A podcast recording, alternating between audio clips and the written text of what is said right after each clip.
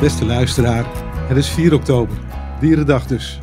Een dag om je cavia, je konijn of je hond extra te vertroetelen. Eigenlijk doe ik altijd een beetje lacherig over dit soort dagen. Maar ik beloof je dat ik vandaag onze kat Pip extra aandacht zal geven.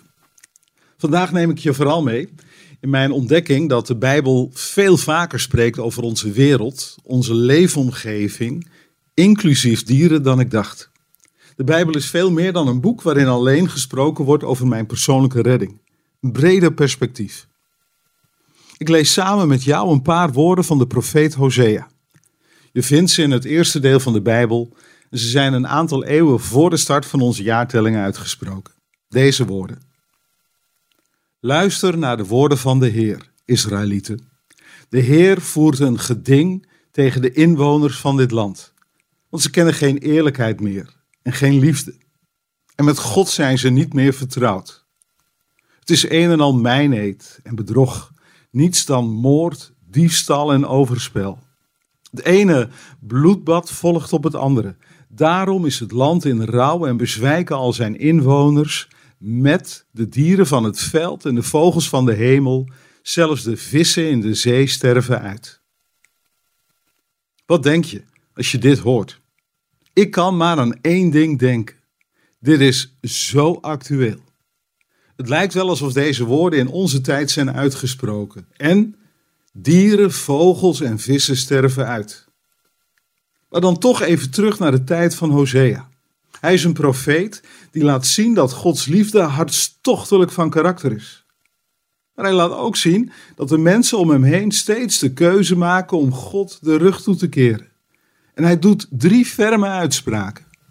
De inwoners van dit land, zo zegt hij, kennen geen eerlijkheid meer.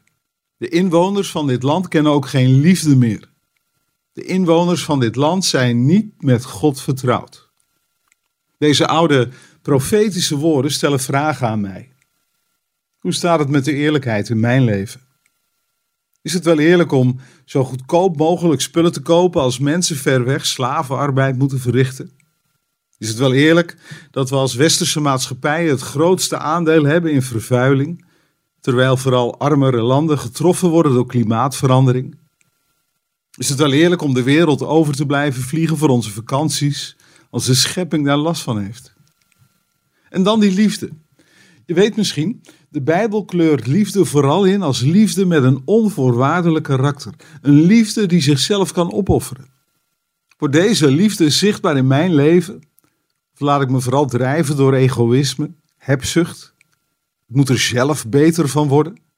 Is alles en iedereen ondergeschikt aan mijn belang, inclusief de natuur en de dieren?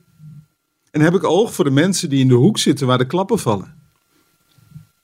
En als derde, misschien wel de allesbepalende factor, zijn we nog met God vertrouwd. Als Nederland zijn we een van de meest geseculariseerde landen in de wereld. Maar het is ook een persoonlijke vraag. Ben ik met God vertrouwd? Dat is een relationele term. Er klinkt intimiteit in door, kennis op hartsniveau.